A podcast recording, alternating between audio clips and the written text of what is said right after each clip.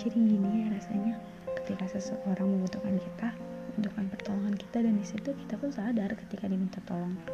Tapi seolah-olah lupa akan hal itu tanpa tahu arti seseorang itu meminta pertolongan sama kita. Itu tuh karena dia butuh dia tuh ingat sama kita berharap bisa bantu kalau nggak banyak. Gimana sih rasanya dibutuhkan mengharapkan seneng gak sih? Tapi ketika itu berubah dan dia udah nggak butuh bahkan gak inget lagi kamu udah kehilangan seseorang yang tulus buat kamu. Lain kali jangan gitu lagi ya